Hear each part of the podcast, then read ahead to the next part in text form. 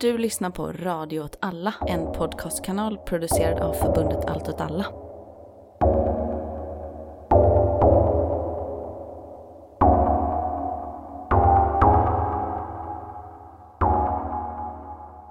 Hej och välkomna till Eldrörelse Udda krig och perspektiv. med mig Martin Hansson. Och med mig Myran Andersson. Eh, Detta är ytterligare ett extrainsatt avsnitt med, eh, Fokus på Ukraina. med fokus på det pågående kriget i Ukraina. Vi spelar in söndag klockan 18, så det kan vara ordentligt utdaterat när du lyssnar. Det är väl lämpligt att börja med en uppdatering lite om utvecklingen i Ukraina, det man har kunnat läsa sig till. Och det jag tycker är tydligast de senaste 48 timmarna är att saker och ting har saktats ner lite grann. Det pågår ju två större belägringar just nu. Den ena är mot Kharkov i nordöstra Ukraina, Ukrainas näst största stad.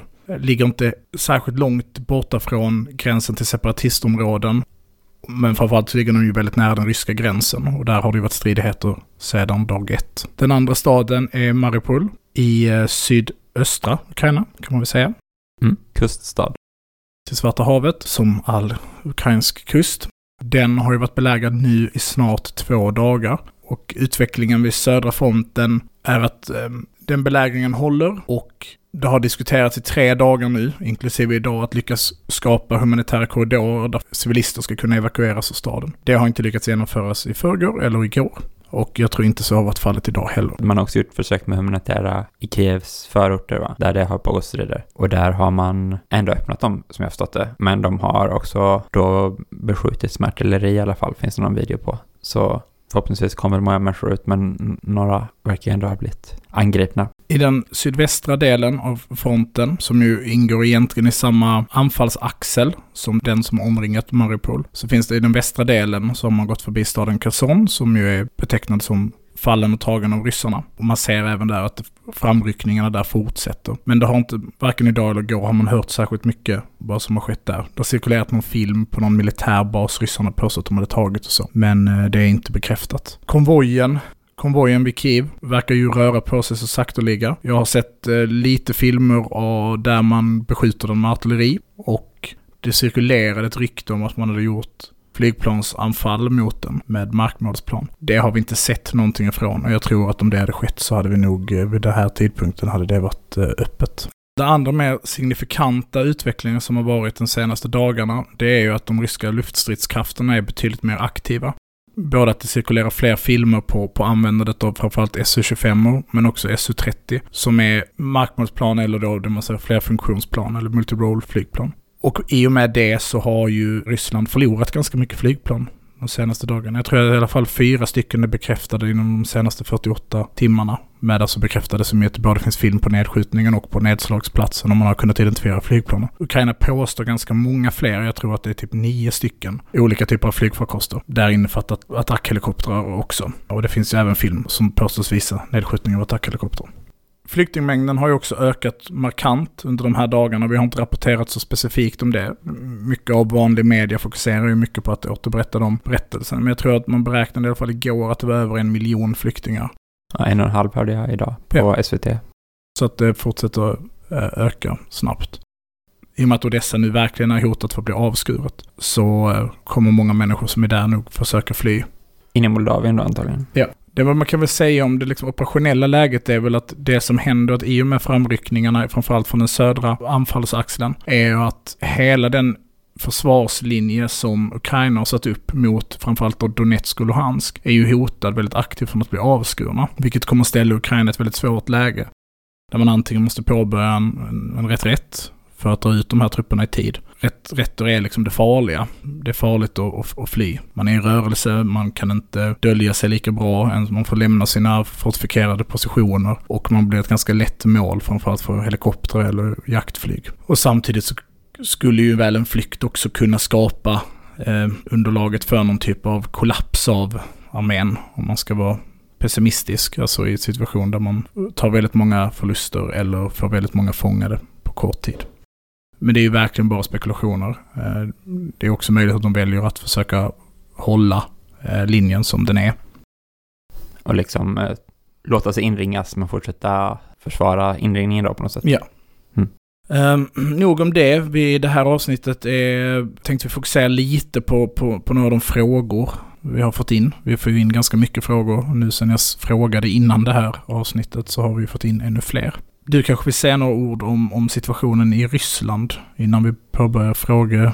Ja, det kanske inte så mycket som situationen i Ryssland som bara att de här protesterna som har skett idag, att det har varit stora protester i många städer, eller de har ju inte varit jättestora numerärt liksom. Eh, det har ju varit i, i ändå liksom ganska närtid har det varit större protester mot andra saker i Ryssland, men de är framför allt stora i förhållande som Volodja Wagner som vi hade här för avsnittet påpekade på sin Twitter att i förhållande till repressionen som vi ser nu så är det ju liksom mycket folk som ändå vågar sig gå ut och det rapporteras ju att det är många som också blir omhändertagna under det här. Typ, på något ställe så var liksom antalet rapporterade omhändertagna typ större än antalet som myndigheterna uppgav deltog i protesten. Liksom. Det är upp, uppenbart att de försöker förminska protesternas omfattning och så. Eh, också ett antal liksom journalister från olika, på något sätt, kritiska medier har blivit omhändertagna när de har försökt övervaka protesterna i sig eller så. Ja, och i upptakten till det så förstod jag att det dessutom hade skett eh, eh räder mot fredsaktivisters hem och så husrannsakan och gripanden eh, inför... Eh... Just det. Om vi ska bränna av lite frågor så här, det här blir ett kort avsnitt. Så eh, jag har fått väldigt många. Jag tänker att jag kan eh, försöka bena i några av dem. Så jag har fått en fråga som, som verkligen faller i mitt bord av oss två. Eh, så jag tänker att jag ska, kan börja med den. Och det är den här diskussionen om, om de luftvärnsförmågor eller luftvärnssystem som Ukraina har. Den här frågan gäller specifikt hur man skjuter ner ett jaktplan, eller ett jetplan då, antar att personen syftar på, med det man kallar för manpads. Och det är inte bindor för män, utan är en förkortning som står för Man Portable Air Defense System. Och nu ska jag förklara det här på ett sätt så att alla våra lyssnare förstår. Så skulle man väl i enkelhet kunna beskriva det som ett rör du sätter på axeln eller har på ett stativ som du använder för att skjuta ner saker i luften med. De flesta sådana här rör använder värmesökning, alltså att de jagar ett mål som har en stark värmekälla eller gör ifrån sig stark värme. Och det brukar vara utblåst på jetmotorer då? Ja, eller helikopter utblåst. Ja. Eh, andra är då fungerar li mer likt det när vi pratar om pansarvärnsrobotar, alltså bland annat det svenska luftvärnssystemet, den svenska manpadsen, RBS 70, RBS 90, där man alltså helt enkelt siktar med systemet. Man, man styr eh, roboten. Sen har väl RBS 90 har ju en radar, om jag inte missminner mig, som, som underlättar att följa målet. Men de system som är aktuella i Ukraina-kriget är, så vitt jag har sett under de här, eh, de här dagarna, är olika varianter av Igla, som är alltså ett sovjetisk produktion från början och den amerikanska manpadsen, eller luftvärnsroboten Stinger. Stinger gjorde ju sig känd för att... För vadå? Vad är Stinger känd för? Någonting med Afghanistan. Mm. Att USA. de gav sådana till eh, Mujahedin under Sovjets ockupation av Afghanistan. Precis. Och de flesta av de här systemen, eller både Igla-systemen, Igla Etto, Igla SE och Igla och Stinger låser på värmekälla. Så om man ska förklara det väldigt enkelt så är det du lägger det här systemet på din axel och sen så ser du en värme, värmekälla. Då siktar du på den till systemet berättar att den har eh, låst på den här värmekällan. Det gör den ju genom att den sluter helt enkelt en sensor som smalnar in tills liksom den vet precis vad den här värmekällan är. Verkligen inte förklara det här på en teknisk djupnivå. Och så skickas roboten iväg och så följer roboten den värmekällan och sen har den då en detonationsmekanism som då kan vara magnetism till exempel.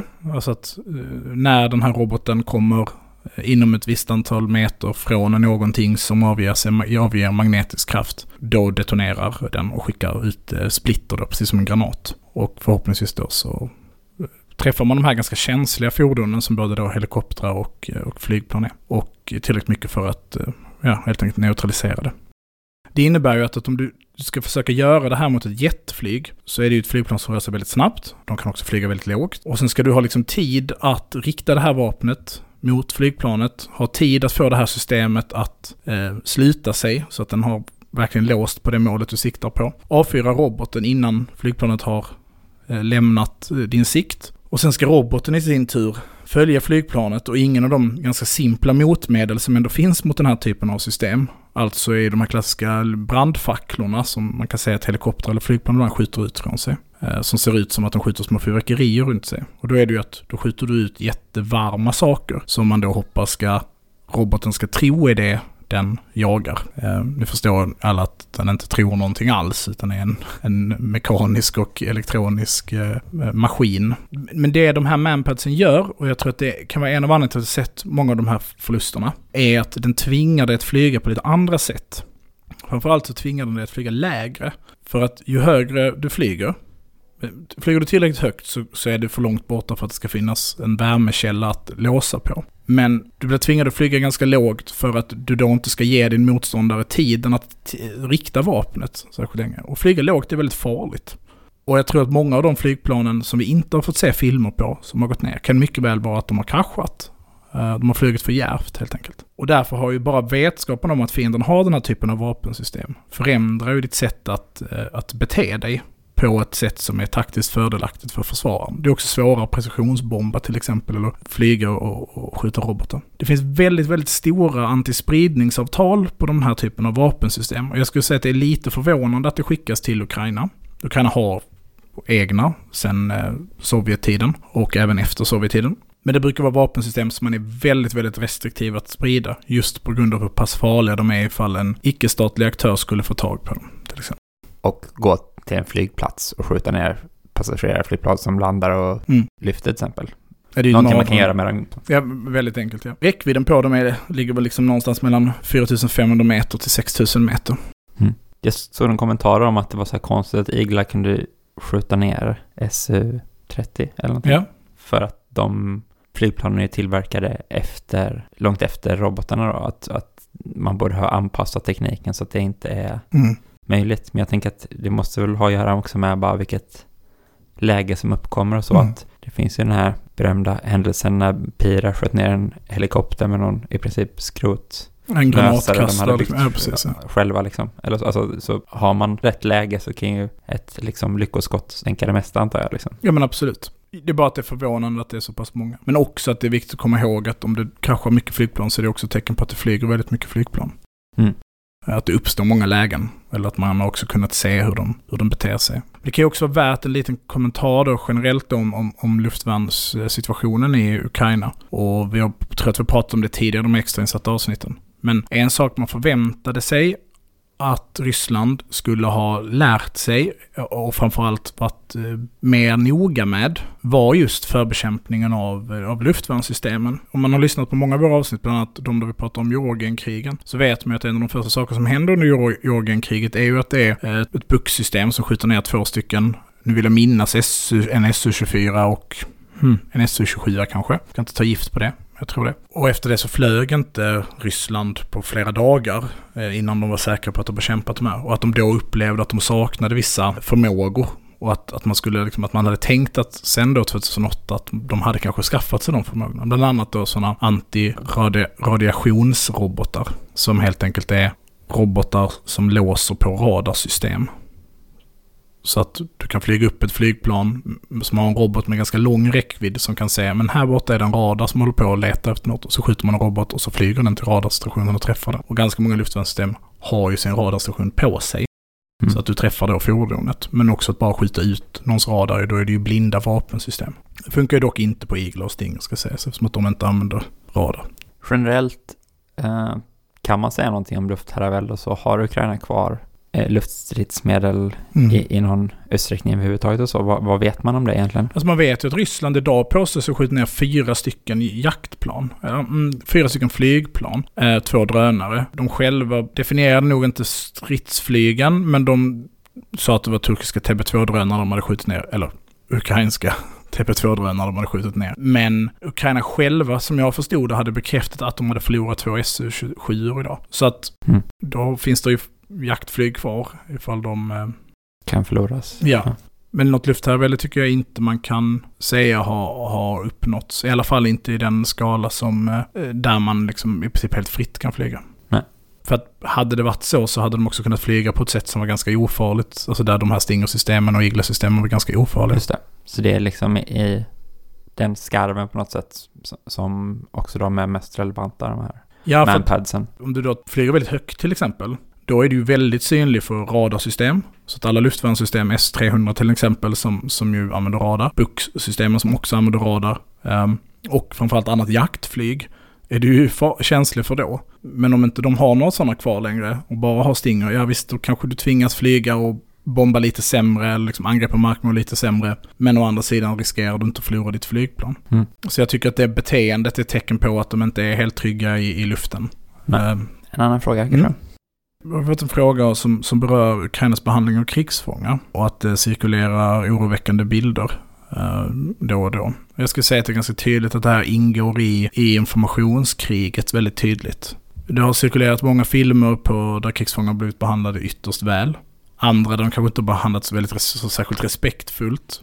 Men eh, där liksom civilister står och skäller på dem eller skämmer ut dem. Men många filmer där man liksom, de får mat och blir skyddade av folk. Så. Jag tror att krigsfångar blir behandlade väldigt illa. För så brukar det gå till i krig. Ja, och framförallt när man har st- där, stora delar av, eh, av en styrka antingen består av irreguljära trupper, alltså milis, så tenderar de att vara sämre på att hantera krigsfångar eftersom att deras eh, strukturer inte är lika tydliga.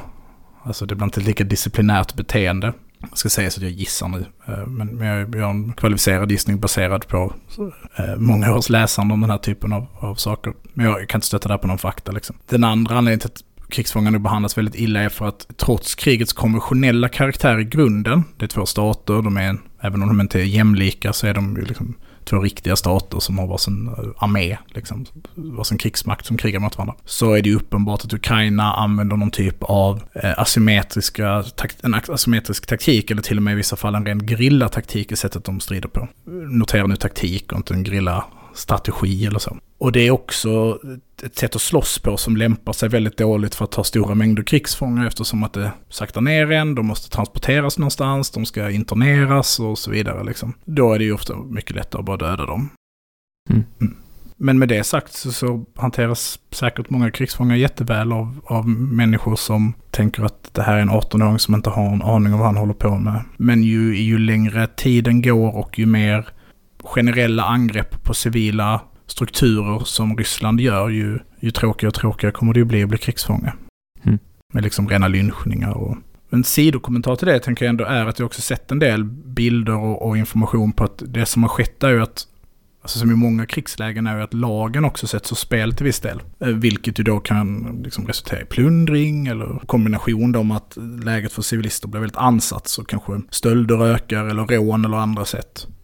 Men då i kombination med att man också generaliserar tillgången till vapen och man har liksom, gör ju att du lätt kan få den här typen av medborgargarden som upprätthåller. Så jag har sett en, en del ganska obehagliga filmer som är kopplade så här, vi har tagit plundrare eller vi har tagit tjuvar. Där man liksom utsätter dem för väldigt grova eh, typer av kroppsbestraffning. Lite orelaterat men ändå på något sätt alltså att, att liksom statens normala funktioner sätts ur spel och så.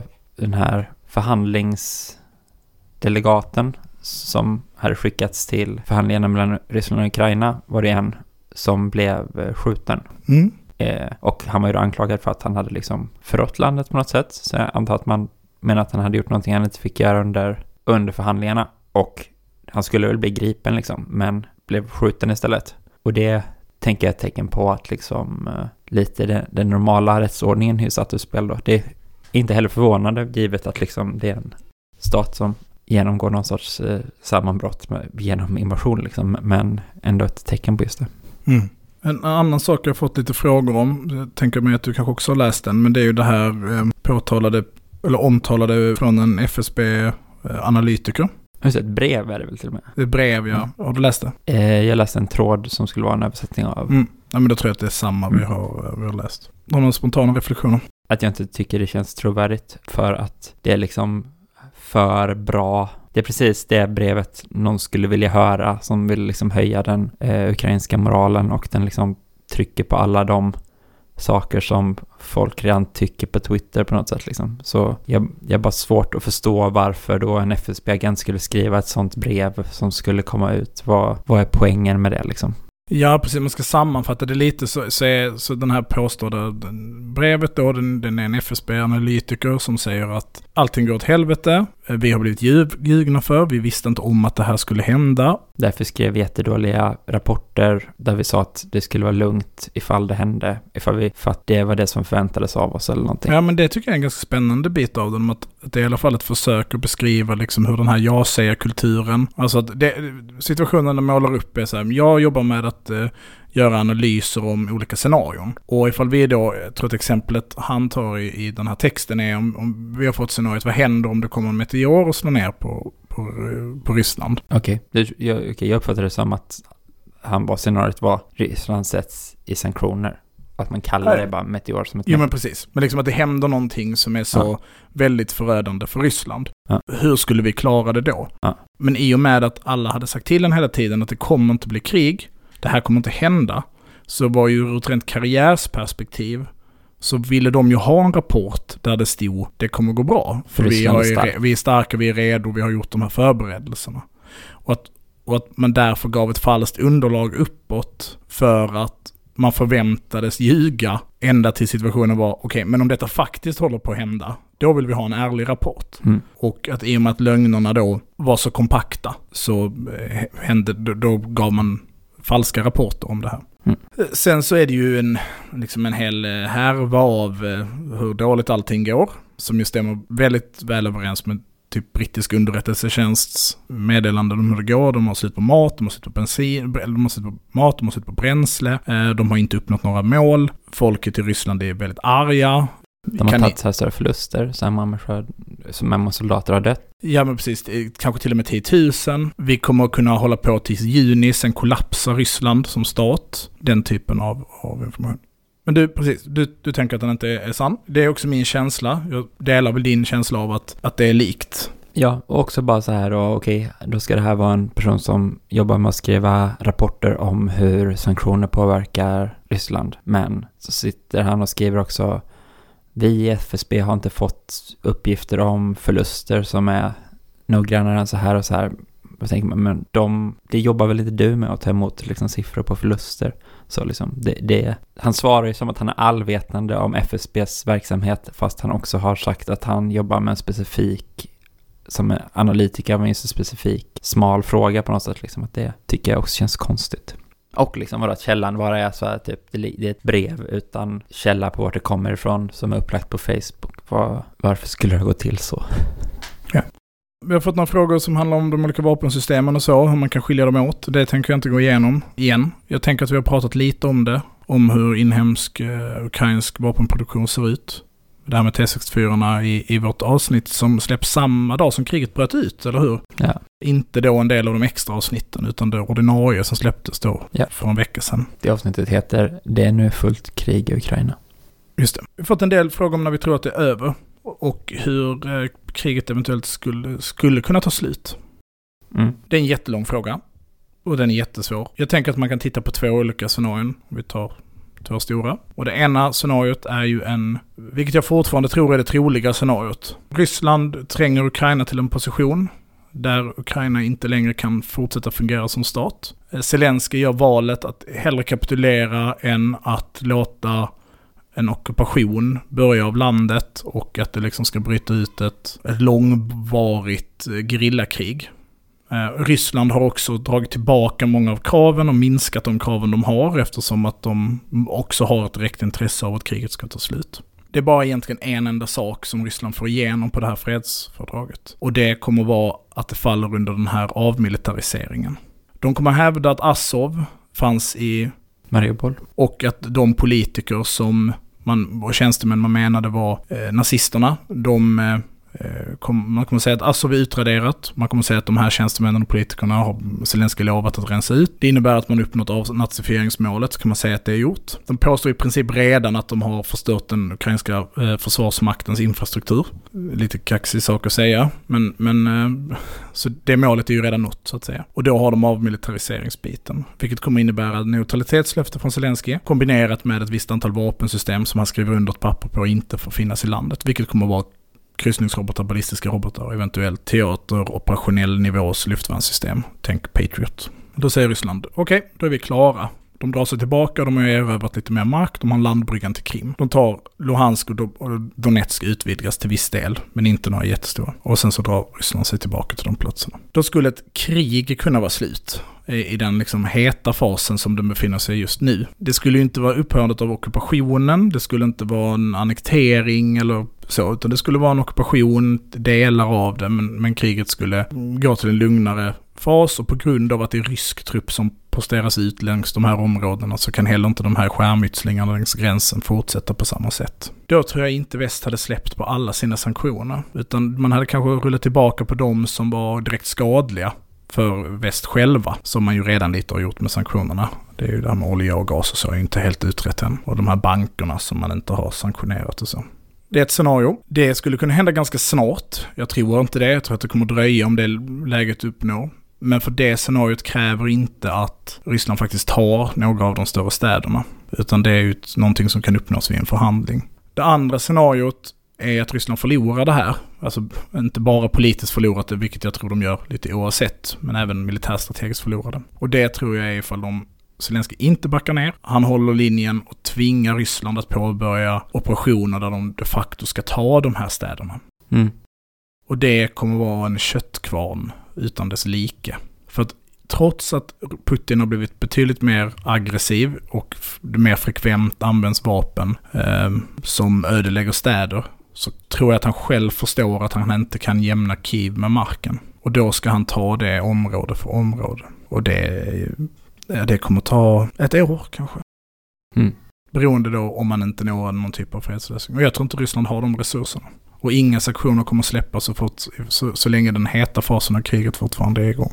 Ett mål som Ryssland verkar ju röra sig mot är ju energiförsörjning på något sätt. Att man mm. har tagit det här största kärnkraftverket i Ukraina som väl står för hälften av kärnkraftselen och alltså som i sin tur står för hälften av all el, så en fjärdedel av all el i Ukraina kommer från det kraftverket. Och de försöker röra sig mot ett annat, sägs det. Jag vet inte hur säkra man är på att de gör just det, men som, som är ytterligare kanske då eh, 12 procent eller någonting av försörjningen. Så tror du att det finns liksom någon idé om att man skulle kunna eh, släcka liksom blackout Ukraina som ett sätt att liksom tvinga dem att eh, ja. gå med på fred. Liksom, att det... Ja, och framförallt för att skada deras militära kapacitet. Just det, det är också beroende av att man har fungerande infrastruktur. Mm. Ja, och, liksom, och att när elen går så kommer ju också försörjningen och hjälpen till civilister bli betydligt svårare, vilket kommer att sluka mer resurser av de strukturer som redan finns. Mm. Men sjukhus till exempel har ju såklart de generatorer och så. Mm.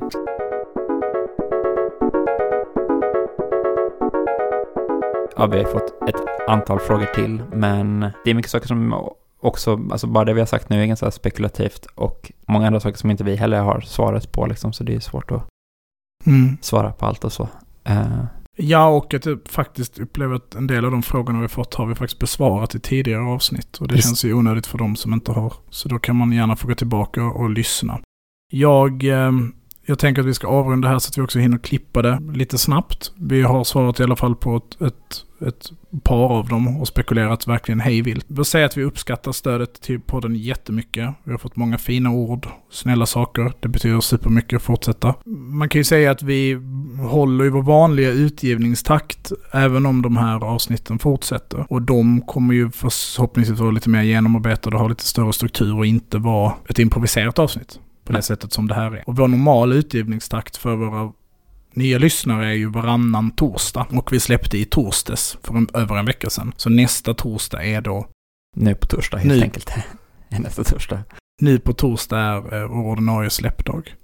Så vi får ju försöka få ihop att göra även ett, eh, ett ordinarie avsnitt tills dess. Mm. Absolut. Men det ska vi nog kunna lösa. Tack så mycket för att ni har lyssnat. Tack så mycket. kan följa mig på sociala medier, där heter jag Trojkan1337. Man kan följa dig på sociala medier, där heter du slukhål. Man kan kolla på vår Instagram som heter eld.och.rörelse eller på vår Facebook-page som heter eldrörelse. Eh, jag hoppas med snabb fred. Ja. Hej då. Hej då.